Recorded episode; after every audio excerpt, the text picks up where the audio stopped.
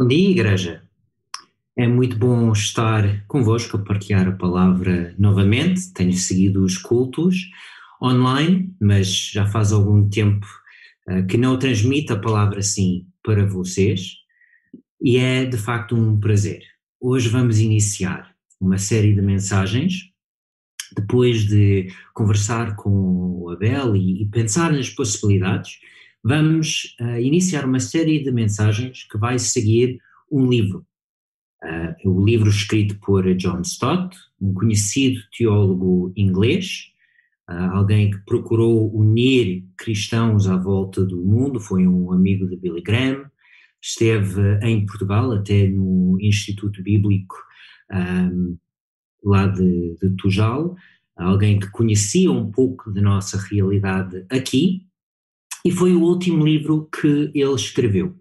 Estava já em fase final da vida, uh, iniciou e completou o livro uh, no hospital, lá no, no Reino Unido, e escreveu este livro como uma última carta às igrejas do mundo, a dizer: pronto, eu vou partir daqui há, há pouco, mas o que eu gostaria de deixar convosco são alguns últimos pensamentos, baseados sempre nas Escrituras, por isso vamos abordar a Bíblia, não apenas as ideias dos seres humanos.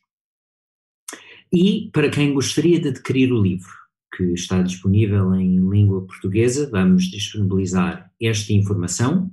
Hoje vou abordar o prefácio, a introdução do livro, por isso, quem quer adquirir não vai uh, ficar muito atrás, não devem uh, preocupar muito com isto, porque o autor que deu este título, o discípulo radical, depois preocupou em justificar este título que ele deu.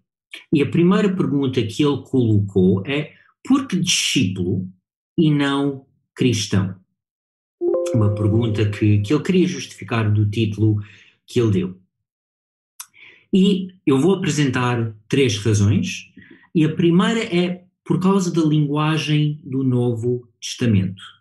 A maioria dos cristãos ficam um pouco surpreendidos quando sabem que a palavra cristianos, a palavra que nós traduzimos como cristão, aparece no Novo Testamento apenas três vezes.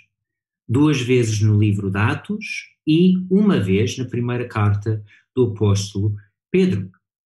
Mas a palavra mathetes, a palavra que nós traduzimos como discípulo, nós encontramos 260 vezes na Bíblia. Então, a linguagem utilizada pelo Novo Testamento para descrever quem tem um compromisso com Jesus é muito mais vezes a palavra discípulo e menos vezes a palavra cristão. Também acho que é uma palavra apropriada à luz da linguagem comum ou popular da cultura portuguesa. Porque nós podemos definir a palavra cristão, quem é cristão, quem não é, de uma certa maneira, mas a nossa cultura às vezes tem ideias diferentes. E só porque nós temos outras ideias, não nega uh, o peso da cultura. E as pessoas pensam que ser português implica ser cristão. Da mesma maneira, culturalmente, como ser árabe talvez implica ser muçulmano. A maioria das pessoas em Portugal, se, se nascem aqui, se vêm de famílias portuguesas, são batizadas na Igreja Católica, talvez vão à missa uma vez ou outra, mesmo se não têm um compromisso com Cristo. Ao nível pessoal, ainda são pessoas que identificam com a Igreja e que iriam identificar-se com o termo cristão. E por isso, a palavra discípulo talvez tenha menos bagagem cultural no século XXI. Então, para nós, esta palavra discípulo tem mais a ideia de compromisso. E a terceira razão é que é também uma palavra muito mais rica em termos das culturas bíblicas. E aqui o que nós vamos fazer é, temos as nossas Bíblias, e de facto as nossas Bíblias não são apenas um livro, é uma biblioteca composta por vários livros, e se nós abrimos para o Novo Testamento, é só uma pequena parte das nossas Bíblias. Só isto é o Novo Testamento. E se nós apenas pensamos em termos cristãos, talvez não vamos beneficiar muito do Antigo Testamento, que tem uma riqueza fenomenal. E este conceito de discípulo está aqui. Então, é outra razão para abordarmos esta ideia daquilo que é ser discípulo. Porque no mundo antigo, ser discípulo foi a maneira de ganhar conhecimento de alguém.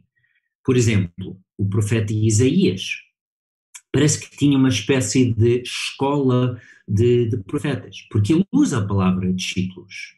Ele escreve, escreve em capítulo 8: resguarda o testemunho, sela a lei no coração dos meus discípulos. E ser discípulo, se alguém queria aprender qualquer coisa no mundo antigo, foi ser discípulo de alguém o modelo ideal para fazer isto. Uh, e não é só um conceito dos judeus ou de, de Bíblia. Os gregos tinham o conceito de ser discípulo. Uh, o Platão foi um filósofo discípulo do outro filósofo Sócrates, e o que nós sabemos de Sócrates sabemos só por causa daquilo que o seu discípulo escreveu. Da mesma maneira, o que nós conhecemos de Cristo. Jesus não escreveu nenhum livro, pelo menos não um livro que nós temos, mas tudo que nós sabemos dele, sabemos através dos seus discípulos. Então, este foi o modelo do mundo bíblico para aprender para praticar, para passar o conhecimento de uma geração para a próxima. E nós encontramos este conceito muitas vezes ao longo da Bíblia. Só um exemplo é o relacionamento que havia entre Moisés e Josué. E nós encontramos várias vezes ao longo do livro de Êxodo e, e os outros livros do Pentateuco evidências de que Josué, sendo mais novo, foi durante muito tempo preparado da parte de Moisés e também de Deus para ser o próximo líder do povo de Israel. Por exemplo, vemos em Êxodo capítulo 24. Então, juntamente com Josué, seu auxiliar, Moisés levantou-se e subiu ao monte de Deus ou em capítulo 33. E o Senhor falava com Moisés, face a face, como quem fala com seu amigo. Em seguida, Moisés voltava para o acampamento, mas seu auxiliar, o jovem Josué, filho de Nun, não se distanciava da tenda. Ou seja, Moisés tinha estas conversas com Deus. E, quando ele voltava de montanha, quem é que mais beneficiou deste conhecimento, desta intimidade que ele tinha com Deus? O texto deixa-nos esta nota. Josué não se distanciava da tenda, queria aprender com Moisés. O que é que Deus disse? Como é que eu posso interiorizar isto? Como é que eu posso aplicar isto quando chega a minha vez de ser líder? E este relacionamento de líder de discípulo é algo que nós encontramos em muitos sítios ao longo da Bíblia. Então, por isso, é um conceito que vale a pena abordarmos. Porque na nossa cultura, a palavra cristão é aplicada com frequência a pessoas que frequentam a igreja. Mas a palavra discípulo só aplica a quem segue Jesus e segue com o propósito de aprender, de servir e de imitar. São estas as características essenciais de um discípulo. Então, creio que é uma palavra muito bem escolhida, um conceito muito rico para nós. Agora, o autor escolheu o título O Discípulo Radical. E esta segunda palavra, talvez, é um pouco mais problemática. Então, pergunto: é mesmo preciso ser radical? Que essa palavra tem, de facto, vários significados. E nem todos os significados da palavra são adequados Então, deixe-me uh, salientar: não estamos a incentivar extremismo nem posturas intransigentes. Não é este o significado de radical que John Stott utilizou, não é isto que nós queremos incentivar, não é este sentido da palavra radical. E, de facto, este não é o significado original da palavra. E eu fiz questão de ir ao dicionário e as primeiras duas definições no dicionário indicam que radical, na sua, na, na origem da palavra, radical tem a ideia de ser raiz. E a ideia mais importante para nós é este segundo significado dado pelo dicionário.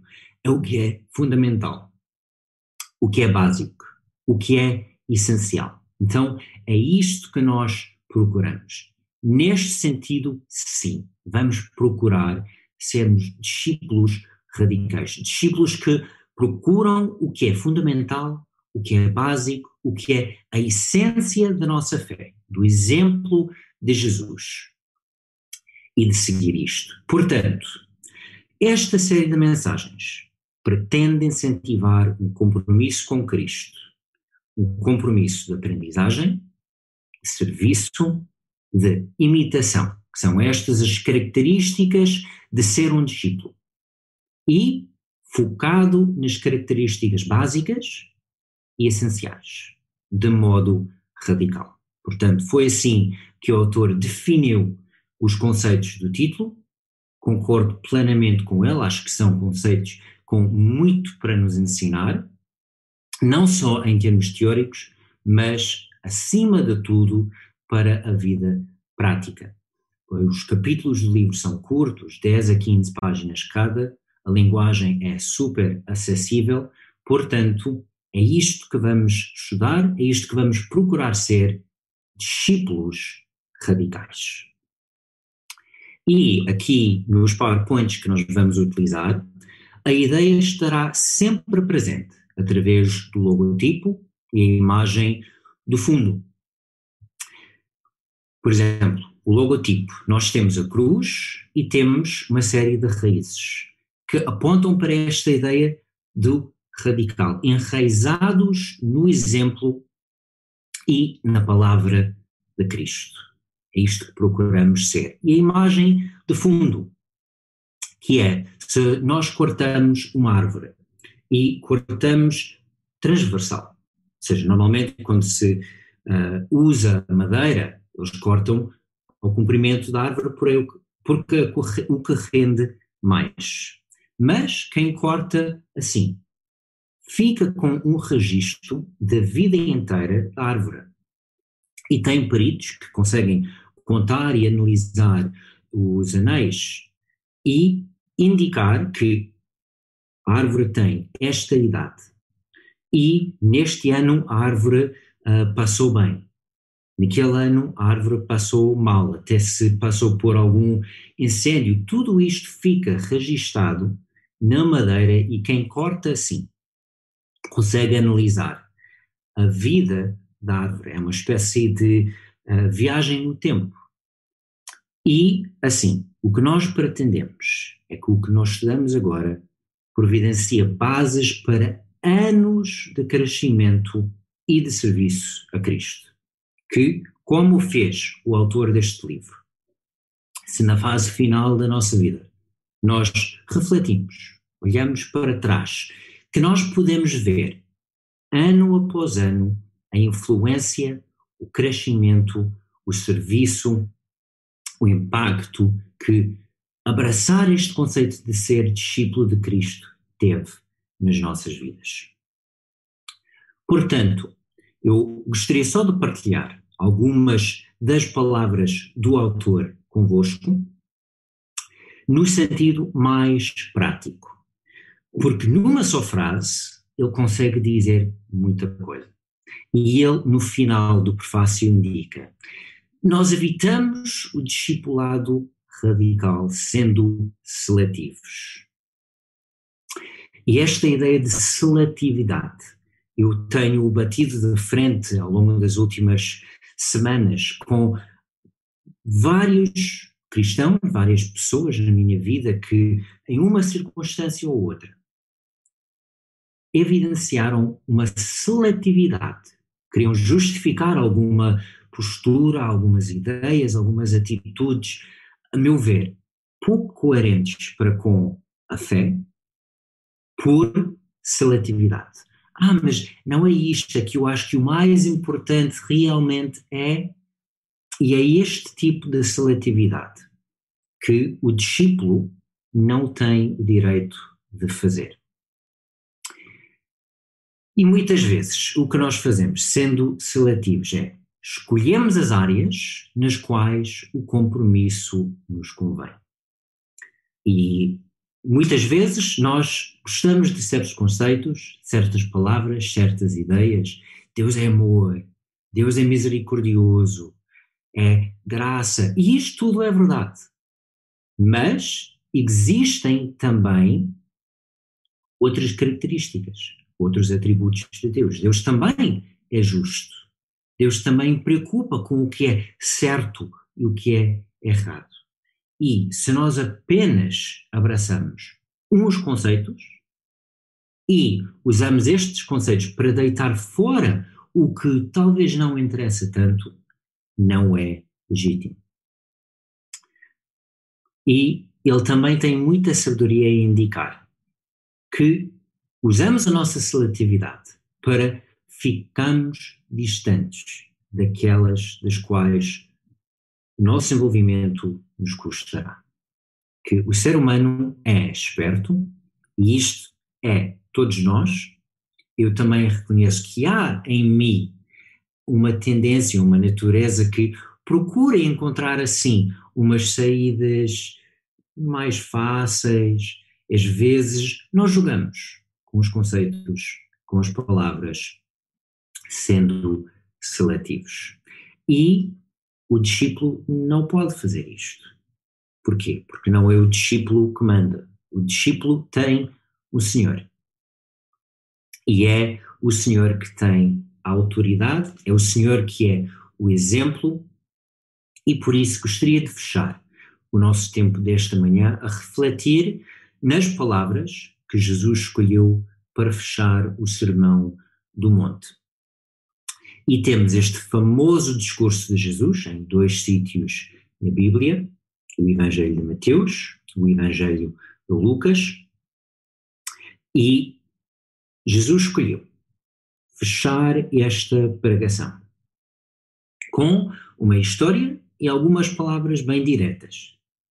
E é interessante que nós vemos que esta pregação da parte dele foi dirigida para a multidão, mas também para os seus discípulos, aqueles que tinham compromisso de aprender, de imitar. E Jesus diz: Porque me chamam Senhor, Senhor, um título da autoridade. E é o hábito judeu de repetir um título duas vezes quando quer chamar atenção ou quando quer uh, mostrar respeito para com o estatuto da pessoa. Então Jesus diz: por que é que vocês utilizam este título? Por que é que repetem duas vezes até e não fazem o que vos mando? Se usam o título de autoridade, por que é que o vosso comportamento, as vossas ações não condiz com o título que estão a usar? Isto não faz sentido. Pelo menos não para o discípulo. E Jesus contou uma história para ilustrar o poder deste conceito. Todo aquele que vem a mim e ouve as minhas palavras, mas não basta ouvir apenas, e as pratica, que põe em prática, que faz o que ele diz, eu vos mostrarei a quem é semelhante. É semelhante ao homem que, edificando uma casa, cavou, abriu profunda vala e lançou o alicerce sobre a rocha. Construir desta maneira é mais trabalhoso, leva mais tempo, custa mais energia, avança mais lentamente. Existem maneiras de cortar cantos, de facilitar, mas não vão ter os mesmos resultados. Então, este senhor investiu bem, não saltou passos importantes, não queria facilitar ilegitimamente o seu caminho. Porque sabe, esta é a minha casa, a minha família vai viver aqui. Eu quero garantir que tem segurança máxima, que tudo está o mais bem feito que eu consigo fazer. E ele tinha razão, porque nós vemos que houve uma tempestade. Vindo em enchente, arrojou-se o rio contra aquela casa e não a pôde abalar, por ter sido bem fundamentada. Ou seja, o homem foi precavido. Sabia, existem tempestades nesta vida. Eu, existem fatores e coisas que eu não consigo controlar. Mas o que eu consigo fazer é fundamentar bem. O que eu consigo fazer é fazer o que está ao meu alcance. Fazer o melhor que eu consigo. Construir bem. E foi suficiente.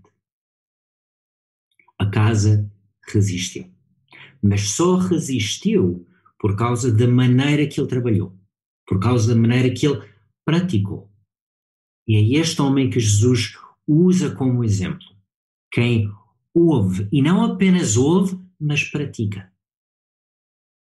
Que faz aquilo que eu digo, que segue o meu exemplo, que não é seletivo, que não facilita ilegitimamente. E ele dá também um outro exemplo de quem fez de modo diferente. Mas o que ouve e não pratica é semelhante a um homem que edificou uma casa sobre a terra sem alicerces. Ou seja, uma maneira de construir bem mais fácil. Mas este senhor também enfrentou uma tempestade. E ao contrário do primeiro, talvez conseguiu construir a casa com menos custo, com mais rapidez, mas os resultados não foram tão bons. E arrojando-se o rio contra ela, logo desabou.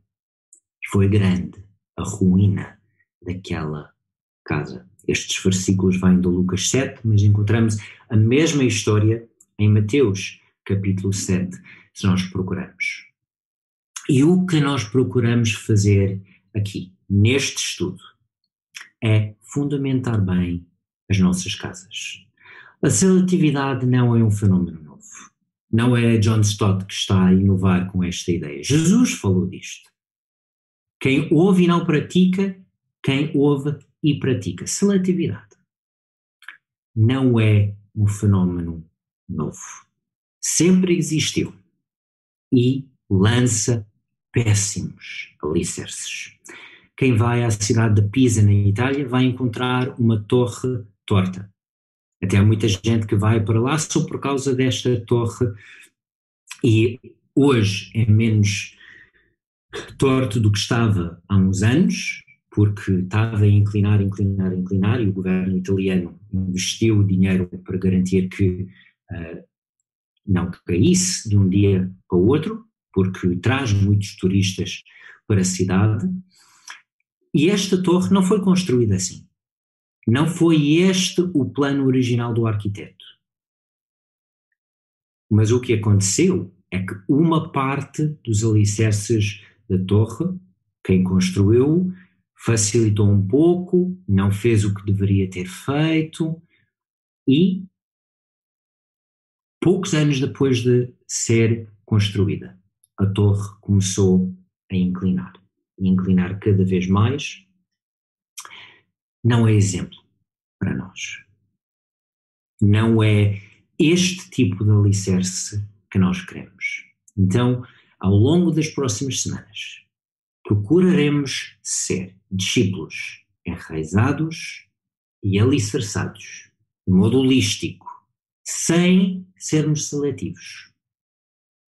Aprender com Jesus em todos os aspectos da vida, sempre focado em ouvir, mas também praticar.